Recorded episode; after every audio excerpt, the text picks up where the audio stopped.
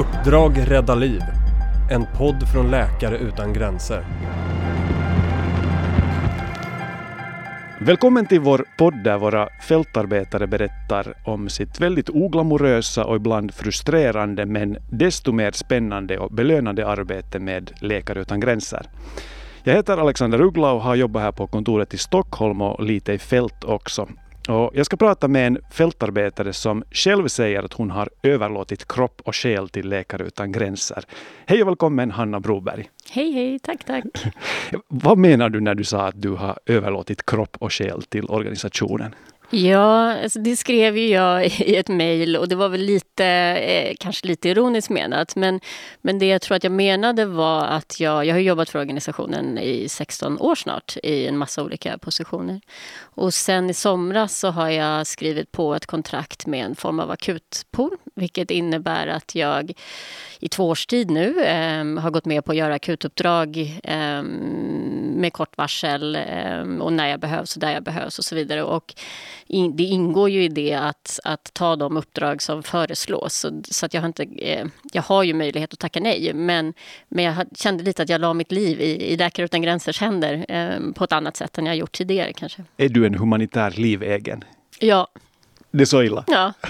Nej, det är ju såklart eh, ett fritt val och man kan ju alltid när som helst eh, sluta. Men, eh, men just nu, eh, livegen på egna villkor kanske, om det går att ha en sån kombo. Mm, det är en modern ja. version av det ja. hela. Du har nyss kommit hem från Bangladesh och där var du då på plats som en medlem så att säga i akutpoolen. Och som du sa så du, två år kommer du att ingå i akutpoolen. Vad innebär det konkret att vara i akutpoolen?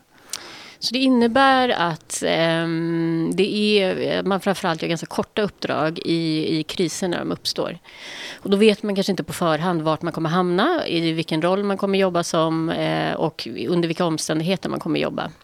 Så det jag vet är att jag kommer ha ungefär tre månader i fält, någon månad hemma, tre månader i fält, någon månad hemma i två års tid. Eh, och sen var de här uppdragen blir och under vilka former har jag ingen aning om. Eh, vilka så. känslor gick igenom dig när du precis höll på att underteckna arbetsavtalet för det här uppdraget? Ja, men lite tror jag. Vad, vad har jag gjort? Eller vad håller jag på att göra? Och är jag verkligen redo för det här? Och, och kommer, jag, kommer jag palla? Är jag rätt person för att göra den här typen av eh, akuta uppdrag? Och Um, oh, har jag förmågan att klara av det? Och, eh, så mycket sådana tankar. Uh, och samtidigt blandat med en känsla av ganska mycket spänning och um, att, att jag ser fram emot det för att också se uh, både jag är på något sätt lite orolig för att jag kommer klara det, men det är ju en spänning i att, att se om jag kommer klara det. Så det är liksom en både, det är både förtjusning och, och lite oro i det. Mm. Hur många timmar har du på dig när du får samtalet från akutpoolen? Jag har ganska många. Eh, för jag i, än så länge ingår i någon slags kan man säga, andra våg av människor som, som kommer in. Eh, så att för mig kanske jag till och med har upp till två veckor. Eh, och faktiskt så vet jag redan nu kanske vart jag kommer hamna på nästa uppdrag. I grunden är du ekonom. Ja, eh, marknadsekonom. marknadsekonom. Mm. Och du har jobbat här på kontoret i Stockholm. Vi har jobbat tillsammans här med kommunikation under min tid här på kontoret. Eh, men du har ju också verkligen jobbat handgripligen ute i fält, alltså det vill säga vid frontlinjen kunde man säga. Du har bland annat bekämpat eh, sömnsjukan i Kongo-Kinshasa. Du har också kämpat mot historiens största kolerautbrott i Jemen. Och du kom ju alldeles nyligen hem från Bangladesh du har varit i Cox's Bazaar som personalchef för väldigt många personer som en del av koordinationsteamet som mm. det heter. Och vi ska prata om en stund lite mer om, om vad det innebär att jobba med personalfrågor inom en humanitär organisation. Men först tycker jag vi ska gå in på platsen Cox's Bazaar. Um, där bor alltså över 900 000 rohingyer i det som har blivit världens största flyktingläger. Alldeles i korthet så rohingyerna är ju en folkgrupp som har förföljts väldigt länge i Myanmar. En våg av extremt våld mot rohingyerna i augusti 2017 eh, tvingade hundratusentals personer att söka skydd i grannlandet Bangladesh där du har jobbat. Och där är de här flyktingarna fast och de vågar inte återvända eftersom Myanmar är en väldigt osäker plats för dem. Om du kunde ta oss till flyktinglägret, både mig och de som lyssnar. Mm. Hur ser det ut? Hur luktar det? Hur, hur låter det i flyktinglägret? Men det är oerhört trångt på vissa platser. Det här lägret som du säger är ju, det är ju egentligen ett jättestort läger men som består av olika läger. Och på vissa delar i lägret så är det lite mindre trångt och på vissa så är ju de här skjulen eller hyddorna eller vad man ska säga som består av bambu, eh, bambuställningar med pressändning är ju så tätt in på varandra så att det finns, det är liksom smala små gränder, leriga gränder, det är människor överallt, eh, barn överallt. Det är som ett konstant myller av, eh, av människor och djur och jätter och, och så vidare. Och så organisationer och skyltar från organisationer överallt. Eh, så det är när man, när man åker i bilen på väg genom det här området och för landskapet är väldigt kulligt. Det består av massa små kullar. Och det finns alltså vägar som går genom det här mm. området? Ehm, så det är, Cox's Bazar-området är som en lång landtunga ner. Så du har havet på ena sidan. Och så går det som en lång landtunga ner. Och sen är det som en flod upp mot gränsen till Myanmar. Så när du kör ner på den här landtungan så är det som att när lägren börjar så är det bara som ett myller av de här små skjulen som bara klättrar eh, kilometer efter kilometer på de här små kullarna.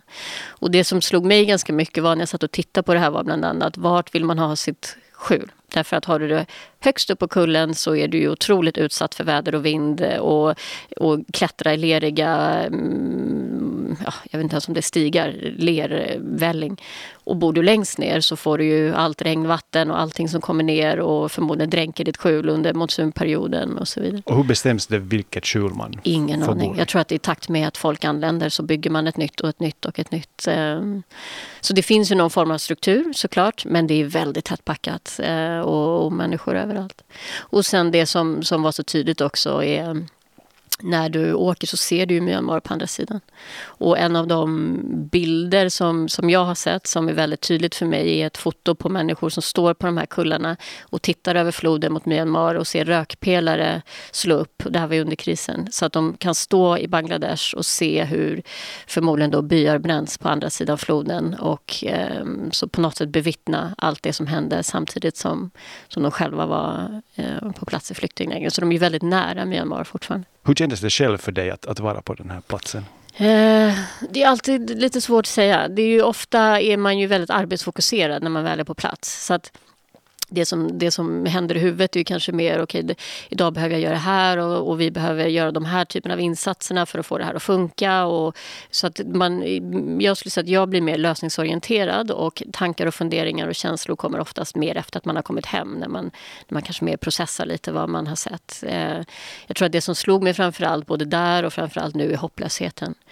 Det är ju i stort sett hela Stockholms befolkning som inte har möjlighet att arbeta, som inte har möjlighet att förflytta sig, som är helt beroende av vad det som, som organisationer kan erbjuda.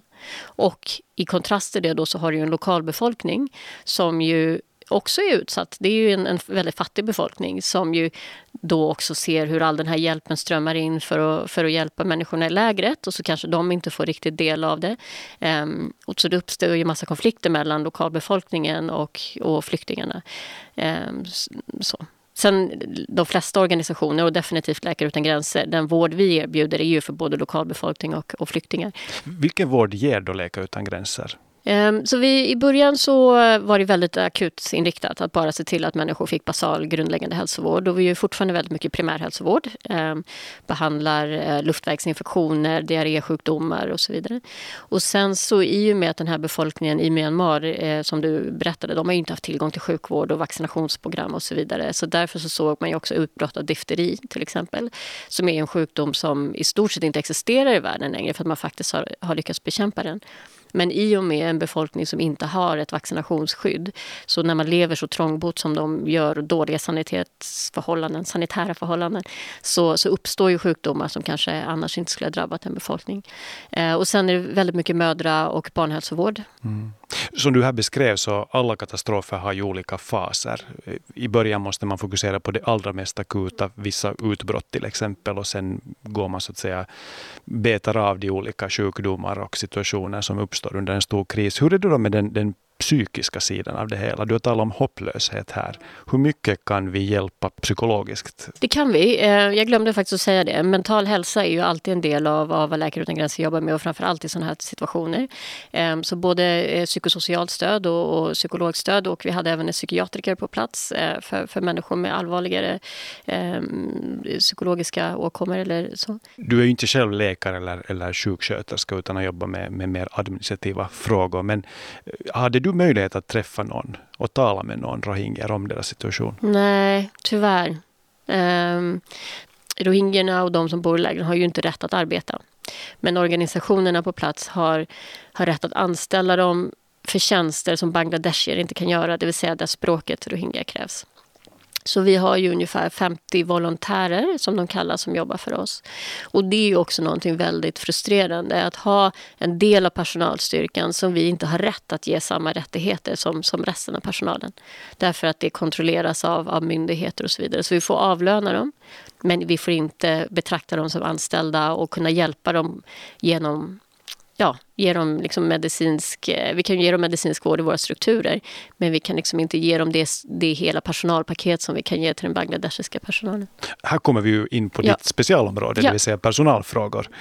Vad gör man i en sån situation? Du beskrev ett konkret problem. Vad gör du som är ansvarig för personalen? Just med, i det här då så får man ju försöka titta på hur kan vi göra det så bra som möjligt men, men fortfarande inom eh, att inte eh, reta upp vad ska man säga, myndigheter för mycket och inte gå över gränsen för mycket vad vi som organisation och alla organisationer tillåts att göra. Eh, och det är ju just i den här frågan, att göra den skillnaden på, på personalgrupper är ju oerhört frustrerande. Och samtidigt så måste man ju betänka att även om vi skulle säga att vi skulle bestämma oss hypotetiskt då för att betala mer än vad vi tillåts att göra, då kan vi ju sätta dem i, ge dem problem genom att vi gör det. Så att även om vi skulle vilja göra det så vill vi inte heller orsaka att de blir då kanske eh, utsatta för påtryckningar för myndigheter därför att vi har valt att göra något som vi inte har rätt att göra. Så det är mycket den balansen att att försöka ge så bra förmåner som vi bara kan utan att, att eh, på något sätt sätta oss själva som organisation i, i en dålig relation till myndigheter och framförallt inte dem. Så att vi mm, på något sätt förvärrar deras situation för, genom att försöka vara snälla. Och det låter jättekonstigt men det är ju någonstans det som kan hända. Ja, det låter jättekomplext. Så det är som en, för en person som inte jobbar med HR-frågor så tycker man att i en akut situation så borde ju saker lösa sig på ett enklare sätt. Men, men det låter som det kanske inte är så. Det finns en massa regler och, och bestämmelser man måste följa och som kan ställa till med många problem. Absolut. Så Läkare utan gränser har ju en personalpolicy som gäller för, för hela organisationen var man än jobbar. Vi vill att arbets eller anställningsförhållandena för vår personal ska vara så lika som möjligt oavsett om du jobbar i, i Burundi eller i Bangladesh eller i Mexiko eller vad det nu kan tänkas vara. Men så att då har vi ju liksom en personalpolicy som är grundstommen i, i, i, att arbeta med personalfrågor. Och här ska vi kanske påminna lyssnaren om att vi har ju över 40 000 anställda i hela världen. Ja. Och över 80 procent är ju alltså lokalt anställda. Precis. Det är en relativt liten andel som skickas ut från till exempel Sverige eller andra europeiska länder eller Nordamerika. Ja. Vi var ju 32 någonting internationell personal och eh, nästan 400 lokalanställda. Nu, vilka medel har du i din roll? Är det liksom via policydokument eller är det du som ställer dig upp på ett bord och höjer rösten och, och säger att nu gör vi på det här viset? Hur får du in liksom ett ledarskap och ett, ett, en styrning i arbetet? Mm. Ja, men det är via policydokument eh, och det låter ju väldigt tråkigt. Men, men de är behövs. det tråkigt? Det är, policydokument är väl ganska tråkigt. eh, och framförallt är det tråkigt att vara den personen som behöver säga eh, app, app, app, så där kan ni inte göra, ni måste göra som det står i policyn. Jag var direkt ansvarig för en ganska liten skara personer och sen jobbar jag med, med eh, det vi kallar för admins som är på plats i projekten som jag då har varit förut i. Så. Och de ser ju till att implementera det i projekten. Så mitt jobb är väldigt mycket att att, säga att så här är stommen, det är det här vi ska göra, så här ser lagarna och reglerna ut, här är vår policy, varsågod och följ. Och sen har man ju såklart diskussioner om det beroende på om de funkar eller inte. Eh, men det som är viktigt är att alltid vara konsekvent. Eh, för det som, Varför är det viktigt? Därför att det är så lätt att vilja göra undantag. Eh, man jobbar ju också ofta med en, en, befolkning och de lokalanställda som själva kan vara utsatta för, för samma typ av kris eh, eller katastrof som, eh, som, som varför, till anledning till att vi, varför vi är där. Och då kan det ibland vara att människor kommer och frågar, om skulle jag kunna få det här för att eh, jag försörjer tio personer och jag har inte råd med det här och min lön räcker inte. Alltså man, man får mycket förfrågningar om olika saker som alla är behjärtansvärda. Och då är det ganska lätt att tro, att, eller ibland tänka att är det en person som man har nära relation till, att man vill göra undantag för, för just den är ju så bra. Eller just den. Men börjar man göra det så blir det ju helt ohållbart att hantera sen. Så genom att vara konsekvent och applicera policies och ha policies så går det ju att, att liksom, styra en så pass stor personalstyrka. För börjar man göra för mycket undantag då har man ju till slut, då är det jättesvårt att vara, att vara rättvis. Det är väl det det handlar om också, att kunna vara rättvis mot hela personalstyrkan hur absurt det än låter när man säger det, så ett varmt hjärta kan vara lite problematiskt. Hellre, hellre den kalla hjärnan som ja. strukturerar upp det. Stämmer det? Ja, ja, visst. Och det är någonting som jag kämpar. Jag är rätt blödig eh, och tycker att det är svårt att vara eh, så pass strikt som, som man faktiskt behöver vara ibland. Och framförallt i den här rollen. Att, eh, och där handlar det ju bara om att, att förklara och förklara. Att, att ta sig tid och sitta med, med personer och personal och, och förklara varför vi har det på det här sättet. Mm. Vad är ditt främsta knep för att förklara kulturella skillnader? Kan du ge något exempel från ditt uppdrag?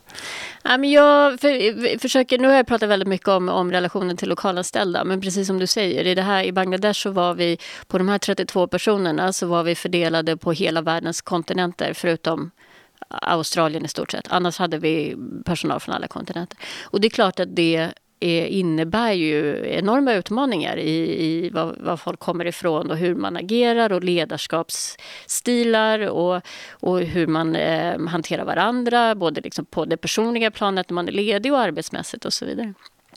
Så det är någonting som man hela tiden måste vara medveten om och arbeta med. Eh, och sen tror jag det jag gör ibland och framförallt mot, vi hade lite workshops med med lokalanställda. För det här är ju också många som anställdes nyligen så de känner inte till MSF så bra. Så att, att förklara vad vi som organisation är och vad det innebär att hela tiden jobba med, med kulturella skillnader. Så det jag gör lite är att jag bjuder mycket på mig själv och, och någonstans här säger att vi nordbor anses som tråkiga och, och strikta och trista och det stämmer. Men och, och, så pratar vi om stereotyper och hur jag uppfattar och, och då kanske jag ibland hänger ut, för jag hade en bra relation med min italienska chef så jag hängde ut honom lite och sa så här, när han beter sig på det här sättet så tycker jag som stel eh, nordbo att han är jättekonstig.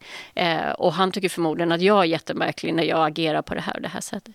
Så genom att, att, att lite bjuda på mig själv eh, så att försöka få till en dialog med sina kollegor eh, om, om vad det betyder att jobba och att uppmuntra dem till att så här, om ni ser något eller beteenden som ni tycker är märkliga så är de ju det för er. Men, men berätta gärna det för oss så att vi tillsammans kan hitta vägar framåt. Eh.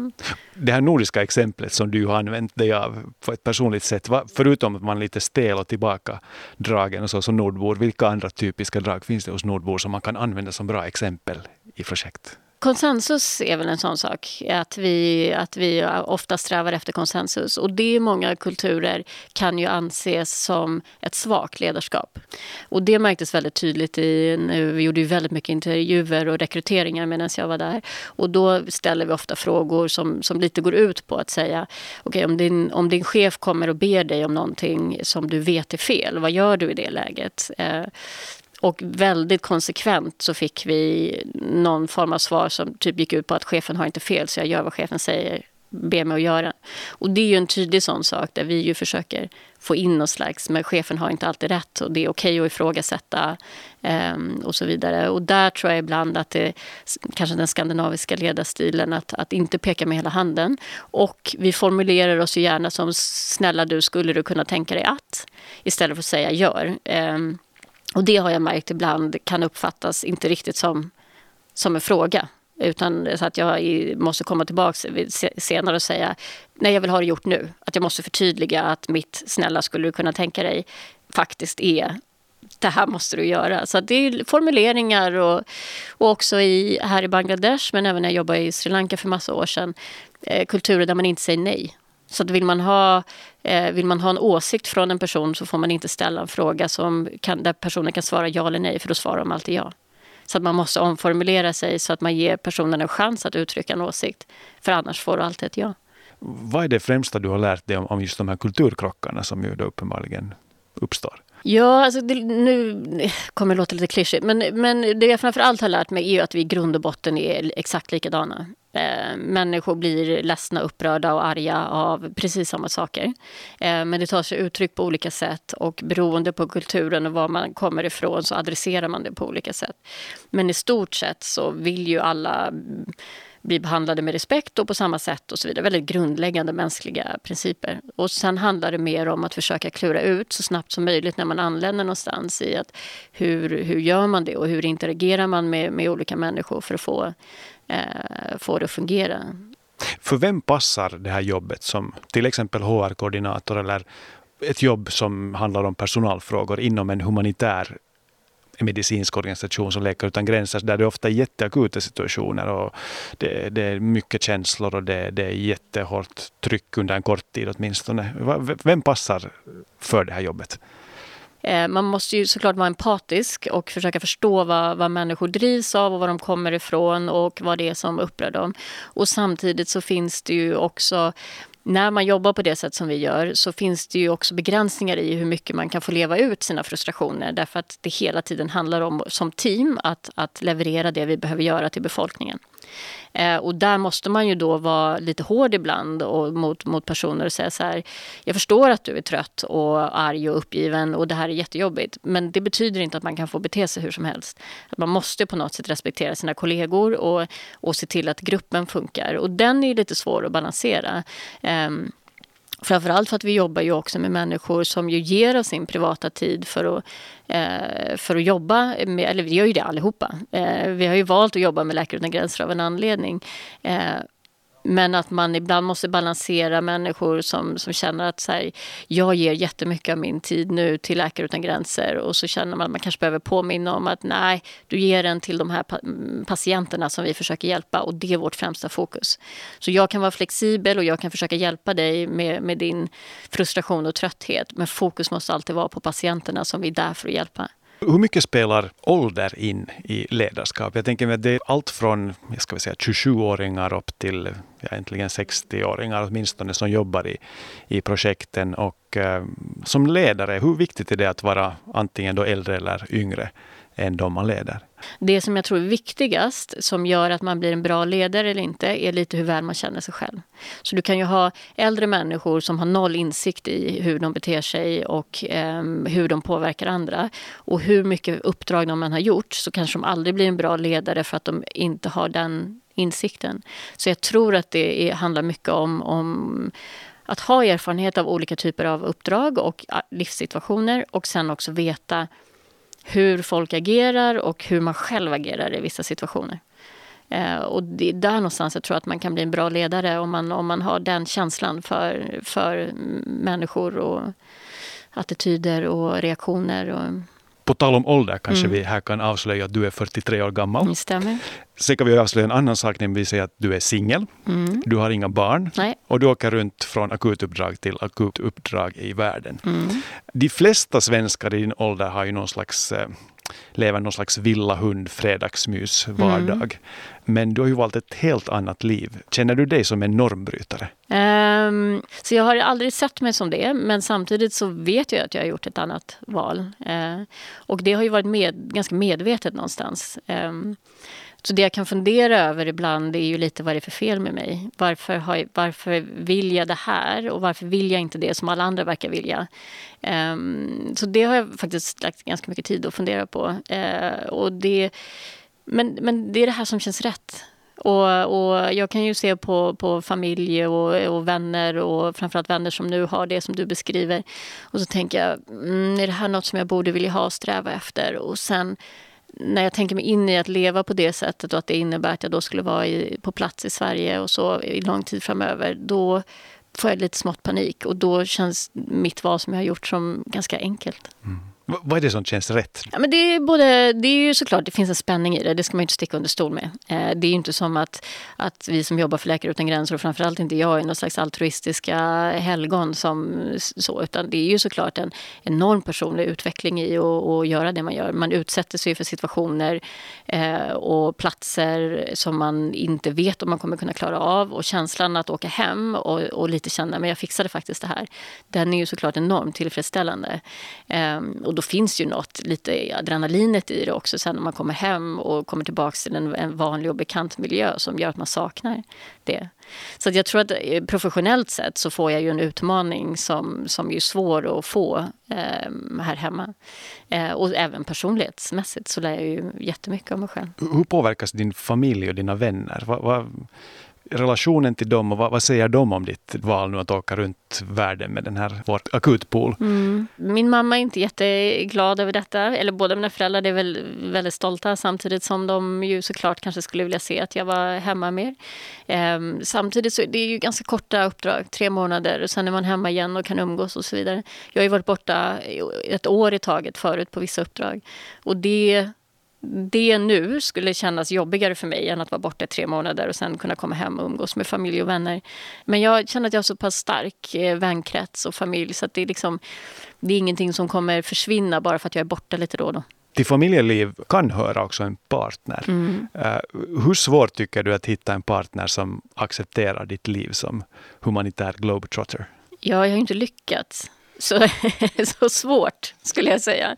Ehm, det är klart att det är... Jag menar, det ena skulle ju vara att hitta en partner som också jobbar inom Läkare utan gränser.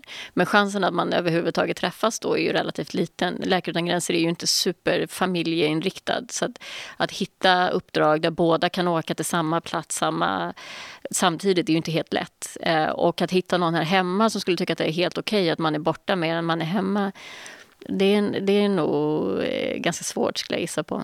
För egen del så kan jag ju säga att man möter fantastiska personer ja. via den här organisationen och, och det händer sig att man blir upp över öronen förälskad, vilket har hänt även mig.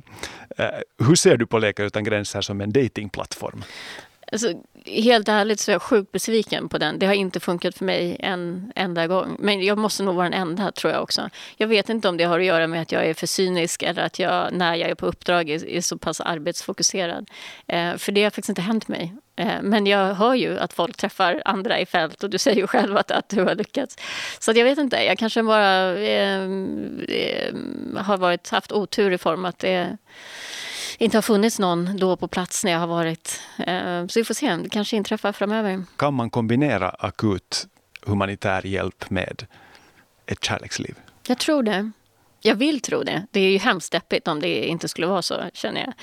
Eh, det handlar väl bara om att, hitta en person som som också lever sitt eget liv. Så att man, att man uppskattar i den andra att, att man har sina egna intressen och att man gör olika saker och att man när man väl ses så att man då Ehm, får ut så mycket av varandra eller att den tiden är värd så mycket. Jag jobbade faktiskt ihop med hon som var vår medicinska koordinator.